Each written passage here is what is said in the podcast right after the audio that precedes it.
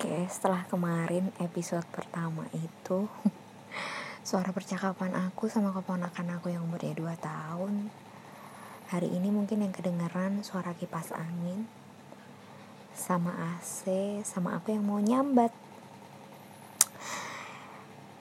Sambatan pertama adalah Masya Allah, Semarang panas banget. Aku sampai pakai AC 19 derajat sama kipas angin kecil sih buat muter-muterin hawa dinginnya. Kayak apa apa lagi emang aneh banget sih. Oke okay, sambat yang kedua. Sebenarnya aku udah mungkin udah ngerasa burn out sama WFH ini karena ternyata nggak semua orang punya mental work from home. Jadi nggak semuanya siap gitu loh hmm, ada kalanya ketika kita emang udah janjian meeting atau apa nggak respect each other. Jadi kayak waktunya harusnya dijanjiin jam segini molor-molor. Terus mereka juga nggak menghargain bahwa jam kerja itu ya tetap dong meskipun di rumah jam kerja ya sampai jam 5 ya ini kebetulan aku udah pindah ya dulu sih waktu aku kerja di konsultan mah emang 24 jam. Sekarang aku udah pindah bisnis lini bisnis yang aku emang pengennya bisa ngatur kerjaan aku yang mana aku pokoknya di atas maghrib aku nggak mau megang kerjaan lah. Maksudnya nggak mau megang kerjaan yang berhubungan sama orang. Tapi emang uh, honestly emang aku tuh sebenarnya senang kerja tapi yang nggak usah kayak meeting terus konkol harus diskus sama orang terus harus pokoknya yang berhubungan sama orang tuh aku pengennya ya di jam-jam produktif karena mood aku masih bagus. Nah kalau yang lain yang kayak lembur lah yang lain-lain tuh aku emang suka ngerjain sendiri dan aku tuh suka banget kerja sendiri. Aku suka menyendiri yang as a loner lah pokoknya. Nah itu tuh aku tuh ah, udah kayak yang kenapa sih nggak menghargai? Kita udah janjian jam sini sini terus rasanya lagi. Ada loh yang pernah kejadian loh atasan aku itu beneran ngajak meeting jam 8 malam. Apaan coba? Bete banget. Terus pada akhirnya tuh tipe meeting yang gak produktif gitu loh. Ngomongnya ngalur ngidul lah. Terus aku beneran kalau meeting zoom eh waktu itu nggak pakai zoom sih teams. Teams kamera aku nggak pernah nyalain kamera sih even mikrofon aja enggak karena aku emang nggak mau berkomentar apalagi di atas jam 8 malam. Itu daripada aku komentar tapi tidak sesuai dengan uh, value aku. Jadi aku lebih baik mendengar. Terus udah deh itu aku udah bete banget. Aku tuh bete tapi ya tahu sih aku sambat kayak gini pasti ada yang bilang emang bersyukur kamu tuh masih bisa kerja di rumah. Lain no ya aku cuman sambat ya makanya aku ngomel sendiri di sini. Maksud aku masih bersyukur banget sih bisa kerja di rumah. Nggak usah ke mana-mana. Tapi ya itu aku tuh masih agak kecewa. Iya bukan bukan berarti karena kita harus bersyukur bisa di rumah aja. Terus kita bisa kerja 24 jam dong. Kita tuh di masa pandemik ini Eh kemarin aku habis baca tentang hmm, Beberapa suggest ngadepin anxiety sama yang namanya kondisi mental health kita di masa-masa pandemik itu emang kita emang nggak bisa seproduktif kalau di luar eh kalau di masa-masa yang biasa aja yang nggak ada apa-apa. Karena uh, tanpa disadari uh, di bawah alam bawah sadar kita itu ada kok perasaan uh, worry terus mikirin keluarga. Karena ibu aku itu masih kerja kan ibu aku tuh PNS dan itu ada masa ini loh hmm, piket tiap hari Senin sama Kamis. Nah aku tuh kalau udah ibu keluar rumah deh itu tuh udah nggak bisa. Maksudnya produktivitasku menurun daripada kalau semua anggota keluarga aku di rumah. Dan papaku juga habis kecelakaan. Yang mana bapak aku tuh nggak pernah keluar sama sekali. Sekalinya keluar itu kecelakaan. Jadi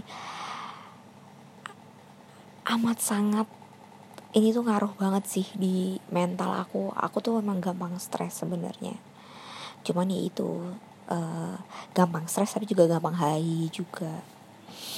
Nah di masa pandemi ini menurut aku yang namanya self love tuh emang dilatih sih. Maksud aku ya gue paham lu harus sayang sama diri lo sendiri. Tapi mengetahui love sama diri sendiri itu berarti lu juga bisa memperlakukan orang lain agar dia bisa berkontribusi untuk menyayangi dirinya dia sendiri juga gitu loh. Jadi kamu pasti punya empati. Oh iya ya kalau aku ngelakuin kayak gini aku nyakitin dia otomatis dia tersakiti. Nah itu kan berarti kan kita merusak uh, eh, self love nya dia dong. Kalau dia udah tahu itu nyakitin buat dia dan kita tahu dia tetap ngelakuin berarti kan dia sedang tidak uh, menghargai dirinya dia sendiri. Makanya aku sangat mm, meruncingkan rasa empatiku di sini. Karena aku tuh sebenarnya orangnya nggak terlalu peduli sih. Tapi di masa pandemi ini bener-bener dilatih kayak um, kekecewaan kekecewaan hal-hal kecil tuh aku list dulu terus aku bandingin. Bener-bener aku bikin list loh aku journaling terus aku bikin list yang paling mengecewakan buat aku apa. Terus kira-kira aku bikin kemungkinan-kemungkinan kenapa dia bisa ngelakuin kayak gitu gitu. Terus oh ya pekerjaan aku ini juga relate banget uh, sebenarnya relate sama orang lain itu di waktu-waktu produktif. Aku tuh ngajar kan dan aku punya uh, klien-klien dan aku sebagai teman belajarnya aku fasilitator. Nah di sini aku juga harus respect di mana kondisi aku dan klien-klien yang aku temenin belajar itu mungkin nggak sama. Makanya kayak aku tuh bener-bener minima, meminimalisir pembelajaran yang kayak nyedot kuota banyak. Karena aku tahu kondisi orang tinggal di tempat yang mungkin ya kuota ada tapi sinyal bapuk kan bisa ya. Tapi bisa jadi sinyal ada tapi kuota mahal gila nggak tersedia gitu loh. Karena memang ya namanya bencana alam ya. Gimana ya maksudnya mungkin mereka juga nggak persiapan gitu kan. Budget tambahan dong buat kuota dan lain-lain. Terus aku bener-bener mikir otak kayak jam segini itu biasanya aku nggak tidur buat muter otak bikin uh, kelas activity yang interaktif yang bikin mereka nggak bosan dan bisa dikerjain sambil rebahan. Karena gini ya hmm, ketika kamu kayak aku nih aku jadi fasilitator dan aku menjadi teman belajar seseorang yang biasanya di kelas terus sekarang jadi virtual aku yakin loh ketika mereka di rumah mungkin memiliki supporting system yang nggak bener-bener tahu mereka tuh sebenarnya lagi kuliah dan lagi serius gitu kan. Bisa jadi ya kalau misalnya hujan mereka harus tiba-tiba ngangkat jemuran. Kalau misalnya uh, waktunya makan siang ya mereka harus bantuin nyiapin makan siang. Karena itu kayak sesuatu yang memang kalau kita di rumah itu nempel loh dari kebiasaan kita gitu loh. Nggak mungkin dong kita ngebiarin ibu kita ngangkat jemuran sendiri terus kita depan laptop buat kuliah. Ah, I know kita lagi kuliah. Tapi kita nggak bisa kayak gitu kalau di rumah. Dan satu lagi kita juga harus menghargai pasti ibu kita juga belum terbiasa kan. Ini anak aku kenapa di depan laptop mulu? Nah aku tuh mikirin itu itunya sih. Jadi aku meminimalisir yang namanya nggak nggak uh, harus standby terus di depan laptop. Makanya aku pakai Quizizz atau Quizlet yang mana dia bisa belajar di handphone dan bisa sambil jalan-jalan sambil rebahan. Tapi buat uh, activity-nya uh, dia bisa jawab pertanyaan dari situ dari handphone aplikasi handphone itu yang mana aku tahu nih oh nih progresnya dia udah belajar sampai sini dan nanti itu akan keluar nilainya ngegenerate. Nah bikin itu ada ketika bisa bikin itu di hari H itu aktif dan running well itu aku malamnya tuh beneran begadang buat bikin itu oke okay, gitu. Bener-bener interaktif pertanyaannya tepat sasaran dan kecapai semua CPM CPMK capaian pembelajaran ya maksud aku itulah. Nah itu bener-bener stressful loh. Maksud aku aku biasa aku juga biasa ngelakuin ini bikin quizzes buat di kelas itu aku juga. Tapi kan ketika aku bisa bertatapan langsung kan aku bilang nah untuk soal nomor ini kalian jawab ini kenapa? Aku bisa langsung jelasin itu. Nah kan kalau nggak bertatap muka langsung aku nggak punya kesempatan buat langsung jelasin dan aku takut skip. Makanya aku bener-bener ngefilter pertanyaan-pertanyaan yang bikin uh, si pembelajar itu oh ini dia poinnya goalsnya hari ini aku belajar ini gitu nah beberapa jurnal di MIT dari MIT atau Harvard ya? Sorry aku skip aku lupa banget. Tapi aku baca di antara itu. MIT ya MIT itu bilang bahwa di masa pandemik ini seorang teachers atau itu pengajar dia nggak bisa berekspektasi sama ketika uh, kegiatan belajar mengajar di kelas. Maka dari itu kita selain dituntut kreatif kita juga harus punya empati.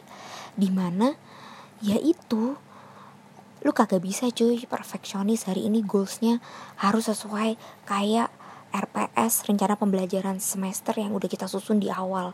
Nah yang mana itu kita di awal nyusun itu kan kita nggak tahu bakal ada pandemik ini dan itu aku juga goalsnya aku kurangin. Kayak misal aku split biasanya sehari aku bisa nyampai satu goalsnya tuh bisa lima gitu. Aku bisa kurangin jadi bener-bener cuma tiga doang tapi mereka bener-bener ngerti.